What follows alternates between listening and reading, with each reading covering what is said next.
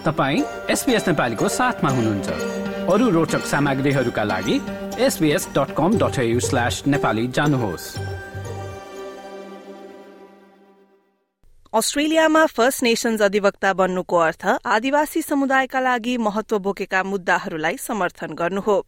First nations समुदायहरूको पक्षधर बन्नु अघि अर्थात एलाइसिप कायम गर्नु अघि ध्यान दिनुपर्ने कुराहरू के के हुन्? सुनौ यो विस्तृत रिपोर्टमा।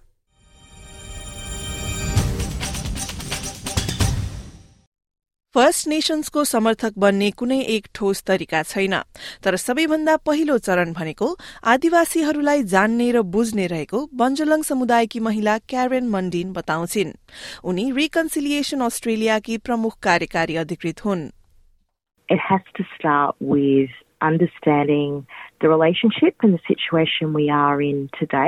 With First Nations peoples and other Australians. and understanding the history, the things that have gone on in that relationship. And it doesn't matter whether you're uh, a recent migrant, if you want to build a relationship, understanding who people are and the things that have happened to them that impact their lives and their experience of being Australian, I think is a, a really good starting point. यसरी आदिवासी समुदायको इतिहास र अनुभवलाई बुझ्ने प्रक्रियाले तपाईँलाई उनीहरूसँग एक किसिमको सम्बन्ध गाँच्न मदत गर्ने उनको भनाइ छ a great starting point is just learning who the local traditional owners are for the communities where you live. And you can often do that through First Nations organisations, you can often do it through local councils, and then getting to know the people in your area, getting to know the places which often have park names that uses traditional language, places that are named after things that happened historically in that area. एउटा एउटाकी महिला doctor summer मे फिनली भन्छन् कि गैर आदिवासी मानिसहरूले आदिवासी समुदायहरूको बारेमा बुझ्न जरुरी छ Uh, an ally is someone who takes the time to educate themselves because, as only 3% of the population, if we tried to educate everybody, we'd be doing nothing else. That includes sleeping and eating. So, really, the starting point is going to trusted sources Reconciliation Australia or your date based reconciliation council a really good starting point. Uh, I highly recommend them. गमिला रोय समुदायका पुरुष look Pearson indigenous एक्सका संस्थापक हुन् उक्त online प्लेटफर्मले विविध आदिवासी आवाजहरूलाई प्रदर्शन गर्नुका साथै तिनको महत्व दर्शाउने काम गर्छ उनी भन्छन् कि हामीले इतिहासको बारेमा जान्नु अघि सबै मानिसहरूलाई समान रूपमा हेर्नुपर्छ you come from a place of dignity, respect, love, appreciation, and an understanding that all peoples are fundamentally equal. And whatever differences we see in our culture are not a reflection of, you know, better, worse, superior, inferior in that way, then you're off to a good start.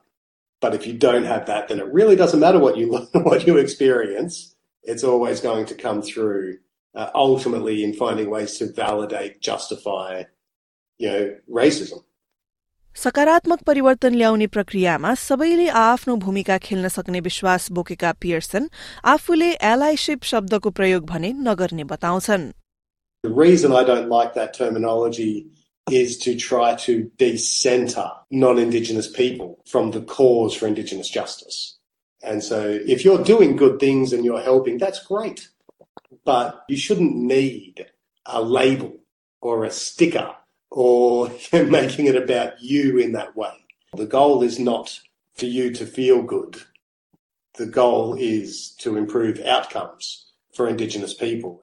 Doctor फिनलीका अनुसार एक राम्रो समर्थकले सहयोगी हुनु र आफै first nations समुदायको हिस्सा हुनु बीचको फरक बुझेका हुन्छन् We don't need someone to step into the realm of trying to behave like an Indigenous person. What we need is people who recognise they're not First Nations and also recognise when it's a First Nations person that should be speaking, and, and in that, make sure that they're actually then proactively identifying people that should speak on their behalf.